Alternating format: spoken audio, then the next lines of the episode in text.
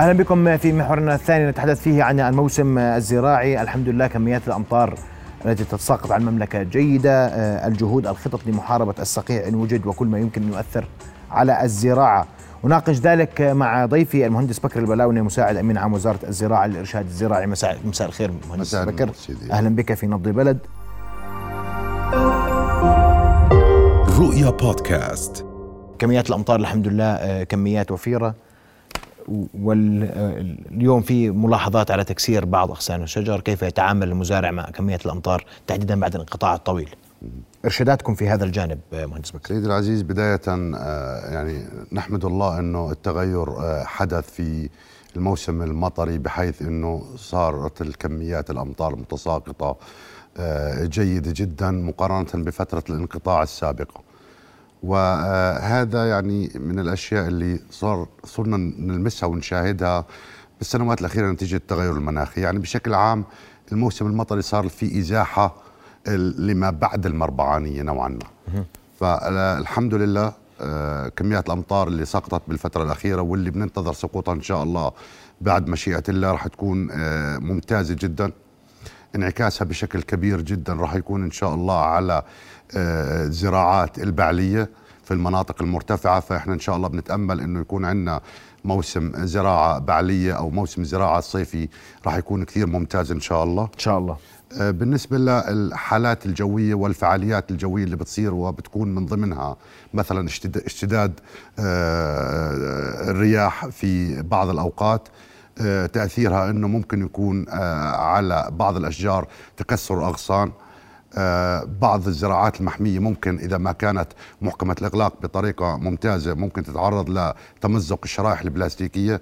هذا شيء يعني المزارع بشكل عام تعود عليه الصراحة وصار عنده الخبرة الكافية أنه كيف يتعامل معه. وإحنا في وزارة الزراعة من خلال قطاع الإرشاد الزراعي الممثل في كل محافظات المملكة اللي تمتد على آه، أكثر من 57 لواء في المملكة في أقسام وشعب للإرشاد الزراعي على تواصل تام ومباشر دائم مع المزارعين وفي استعداد تام لاستقبال أي ملاحظات أو استفسارات.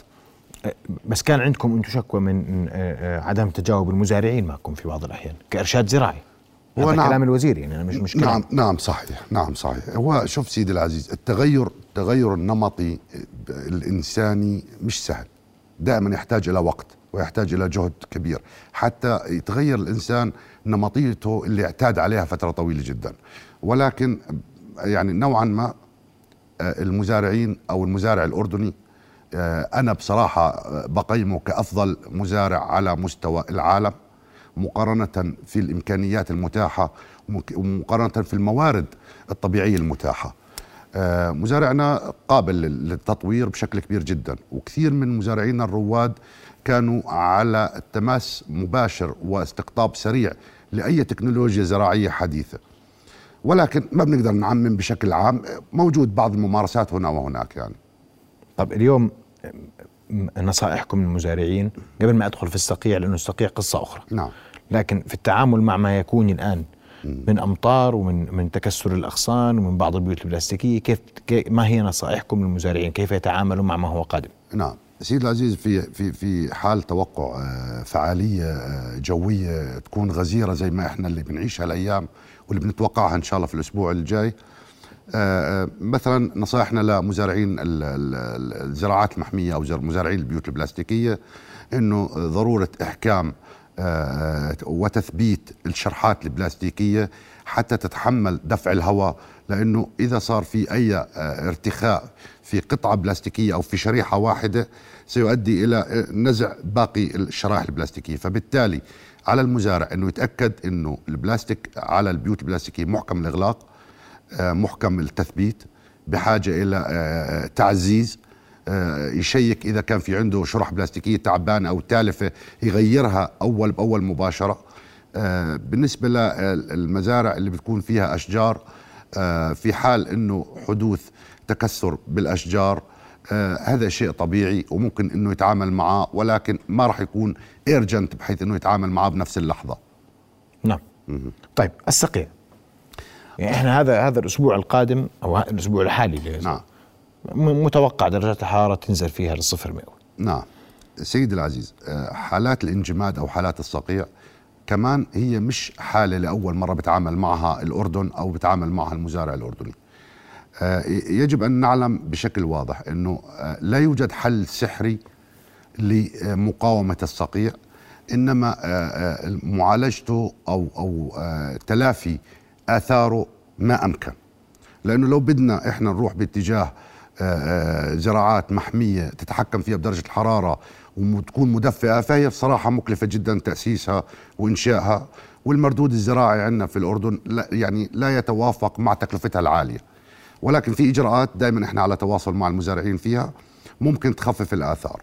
مثلا في الفترات المتوقع فيها الصقيع آه بعد الساعة ثنتين آه من بعد آه قبل الفجر آه، دائما ينصح بري المزروعات حتى نزيد كمية الماء الموجود في خلايا النبات وبالتالي بصير يعني أصعب تجمدا أو أنه يتحمل درجات برودة أكثر شوي.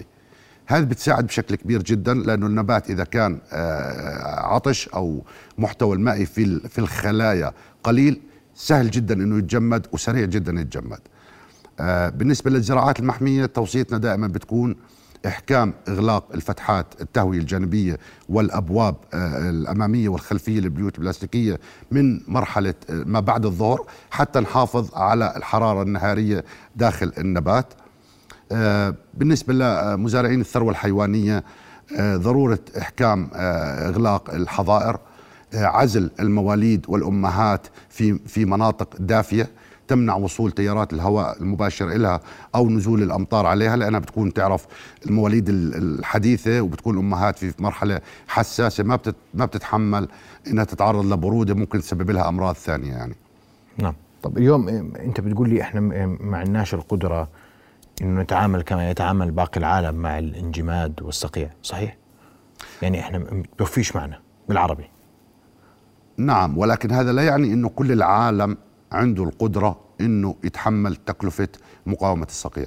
برضه في كثير مواقع قد إيه قديش يكلف يعني سيدي العزيز يعني لما بدنا نحكي إحنا على آه، معدل الدنم بمساحة الدنم كتغطيته بالبيوت البلاستيكية المناسبة بارتفاعات مناسبة مع جهاز التدفئة يعني بتجاوز بتجاوز ال ال آه، تقريبا ال 10000 دينار تكلفة الإنشاء.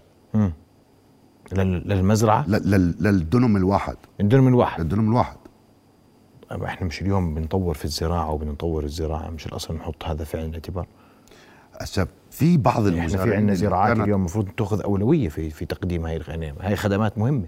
آه نعم ولكن هاي خدمات يعني ليست خدمات تقدم من الدولة. هاي آه، مستلزمات على المزارع نفسه أو المستثمر نفسه إنه يبرمج إمكانياته أول بأول إذا قدر أن يعني يجهز هذا النظام. ولكن أنا بقول لك إنه هذا النظام مكلف جدا الصراحة. أنت قلت لي ما بتوفي معه. بما ما معناه بتوفيش مع المزارع؟ ما بتوفي مع المزارع لأنه سيد العزيز زي ما حكينا إنه لما نيجي نحكي عن الدنم الواحد آه تكلفته بهذا النظام تتجاوز ال آلاف دينار. العائد والمردود من إنتاجية الدنم بالوضع التقليدي اللي موجود عندنا على الأصناف التقليدية اللي عندنا على الوضع العام في الإقليم اللي انعكس بشكل مباشر على صعوبة التصدير. كل هذا انعكس على المردود المزارع فبالتالي هو يا دوب يست... يقدر يستمر في الإنتاج بالحد الأدنى. فما بالك إنه نضيف تكاليف أخرى كبيرة بهذا الحجم عليه. قديش بدخل الدنم اليوم في الزراعة في الزراعات العادية؟ مدخول للمزارع؟ آه مدخول للمزارع. هذا الصراحة تقريبا. كمان شيء يعني متغير بشكل كبير جدا ومر المزارعين في حالات إنه لم يدخل الدنم على المزارع أكثر من 20% من التكلفة في بعض الحالات. يعني كثير من الحالات كان يمر المزارع في حالة خسارة. ولكن آه هذا بعض المواسم وبعض المحاصيل والمزارع امله في الله إنه يظل مستمر. يعني ما عنده بديل آخر يتوقف فيه. ولكن موسم عن موسم تختلف الأمور. هذا الموسم كيف تقرأه؟ لأنه كان في انقطاع طويل للأمطار. والله كانت الصراحة مش كثير كانت مشجعة الأمور. آه والمزارع الله يكون بعونه. يعني مر في فترة كانت الأسعار آه، المنتجات الزراعية من ناحية الخضار منخفضة بشكل كبير. ولكن دائما دائما الأمل موجود. مع كل فعالية جوية مع كل انخفاض في درجة الحرارة مع كل آه، كميات أمطار جديدة بتيجي. بتخفف من الإنتاج فبالتالي بتخفف من الفائض وينعكس ذلك على ارتفاع الأسعار. يعني متأملين موسم خير؟ نتأمل قبل رمضان بتعرف أنت رمضان قرب. نعم. مش يعني فيش شهرين زمن إحنا في رمضان وبتعرف الزراعة والخضروات والفواكه وهذا اليوم سنحصده في رمضان مش هيك؟ نعم صحيح. الأمل الأمل دائما لازم يكون موجود والمزارع هو يعني بشكل رئيسي. أكثر فئة من الناس تعمل باعتمادها على الأمل في الله. طب ليش إحنا ما الامر في الله دائما موجود والحمد لله دائما نعم. اليوم دائما السؤال عند كل الخبراء والمعنيين ليش ما عندنا أنماط زراعية محددة تلزم فيها الوزارة المزارعين؟ نمط استهلاكي محدد تلزم الوزارة المزارعين فيه حتى يستفيدوا. نعم. وحتى يستفيد المواطن ويستفيد الاقتصاد الوطني. نعم. ه- هنا اسمح لي إني أشرح فيها لو سمحت. تفضل. شوي بإسهاب. سبق وأن آه، قامت وزارة الزراعة بهذه التجربة اللي هو النمط الإلزامي. ولكن اصطدمت بعدم آه، آه، توافق أو تنفيذ المزارعين لهذا النمط. لأنه المزارع بيقول لك أنا مستعد مثلا تقول لي ازرع 10 دنم كوسه و10 دنم بندورة وبلتزم فيه ولكن إذا الموسم والأسعار كانت منخفضة وال- والمحصول اللي أنت وجهتني عليه والمساحة اللي أنت حددت لي إياها خسرت فيها. هل أنت وزاره الزراعة آه، آه، قادر على إنك تعوضني؟ طبعا بالحالة هاي صعبه يعني لأنك بتحكي في مبالغ هائلة. آه، ولكن ما عملت فيه وزارة الزراعة؟ كيف ما هو أنتم المفروض أنت دارس إذا إحنا دارسين أنماط زراعية دكتور شو نعم. تسمح لي؟ دارسين أنماط زراعية وعارفين شو بدنا نستهلك وشو طلب السوق. نعم. هذا في حال التزام جميع الأطراف سيدي. إذا التزموا كل الأطراف ما أنا بمشي صح. ولكن ما أنا أنا اذا إذا أنا ألزمت أنت بتقول لي جربنا نلزم. أنا بدي ألزم بدي أنا آه، المساحات الزراعية الأردنية المهمة اليوم. نعم. اللي إحنا الزراعة بنعطيها أولوية في كل برامجنا اليوم. نعم نعم. لهذه الأولوية بدي أحدد الانماط الزراعية عشان أقدر أصدر وأقدر أبيع في السوق المحلي بسعر مناسب. واخلي المزارع ربحان والمواطن ربحان. نعم.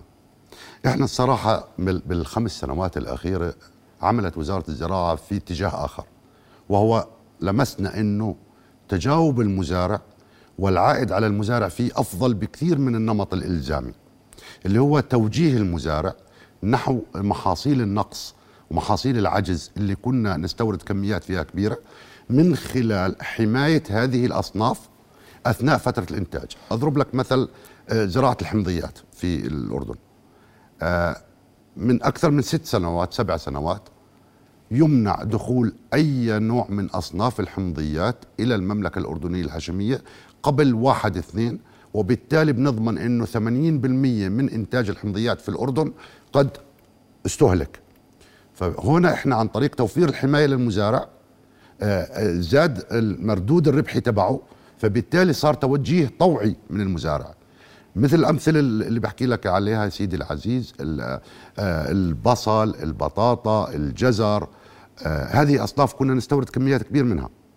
فإحنا برضو كوزارة زراعة وضعناها من آه، خطة البرامج اللي هي حماية هذه المنتجات وتوجيه المزارعين نحوها وانعكست بشكل إيجابي كبير جدا مساحات الحمضي ال- ال- البصل في ال- الأردن آه، ومساحات وكميات الجزر والبصل والبطاطا. أصبحت الإنتاج ال- الأردني يعني يكفي بشكل كبير جدا والنقص قل بشكل كبير وبالتالي عن طريق الحماية ومنع الاستيراد في فترة الإنتاج رفعت من مردود المزارع وهذا إحنا مهندس كل. الفكر في الأنماط الزراعية والمنتجات والسوق والاستهلاك وهي الدراسات اللي هي دراسات مهمة جدا وموجودة في وزارة الزراعة والتوجيه فيها. إحنا آه، بلد فقير مائيا نستخدم مياه في الزراعة. إذا ما نجحنا في آه، أن نوظف المياه بشكل جيد رح نوفر مياه في النهاية. إذا وظفنا المياه بشكل جيد سنوفرها. نعم. وهذا سيدفع باتجاه أفضل لكل المناطق الزراعية في الأردن. ونأمل إنه يتم دراسة هذا الموضوع من قبل. وزارة الزراعة. بدي أشكرك كل الشكر مهندس بكر البلاوني مساعد أمين عام وزارة الزراعة للارشاد الزراعي. أشكرك على حضورك معنا. العفو يا سيدي. رؤيا بودكاست.